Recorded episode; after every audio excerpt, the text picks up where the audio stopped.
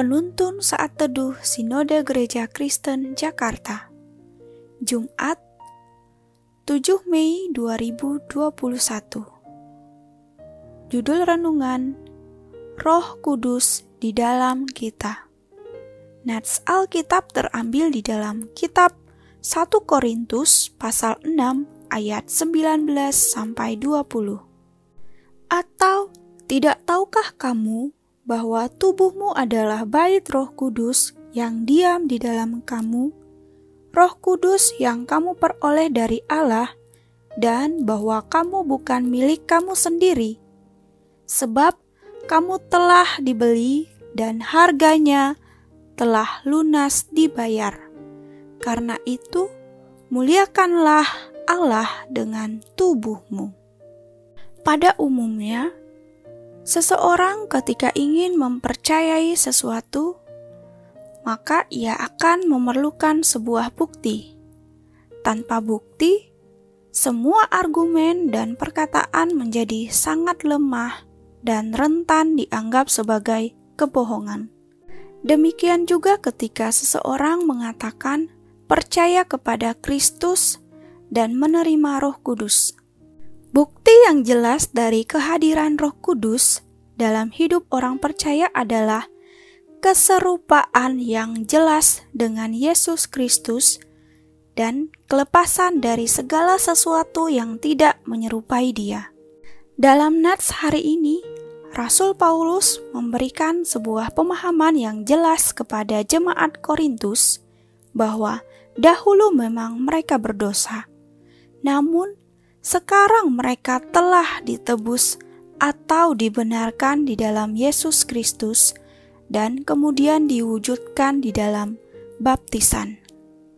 Konsekuensi dari perbuatan status ini ialah bahwa mereka harus meninggalkan dosa-dosanya yang dahulu. Mereka tidak boleh lagi melakukan dosa-dosa seperti di masa lalu, ketika berada di luar kekristenan.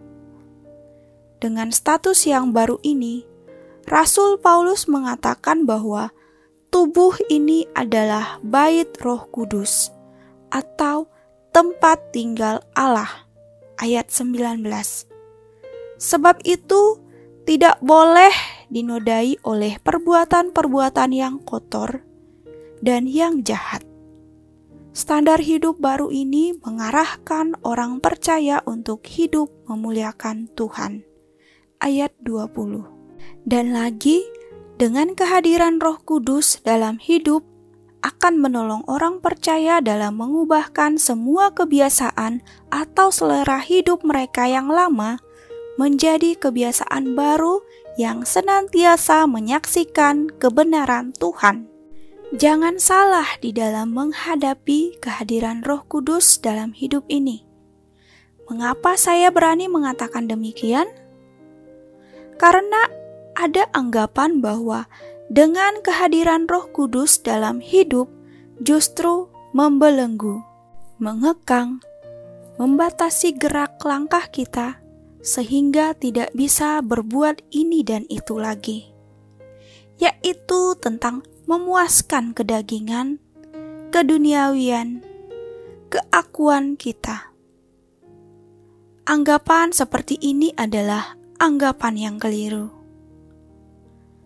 Justru kehadiran Roh Kudus dalam hidup kita akan menolong kita semakin konsisten menghidupi status baru yang kita sebagai orang percaya. Dia selalu memimpin kita ke dalam kebenaran firman Tuhan, sehingga kita memiliki pengertian yang benar dalam menghadapi setiap keinginan manusia lama kita.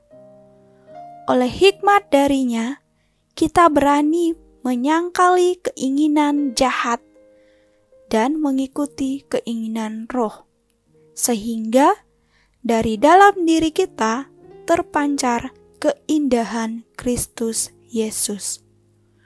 Orang yang menjauhkan diri dari dosa membuktikan Roh Kudus berdiam di dalam dirinya. Amin. Tuhan Yesus memberkati.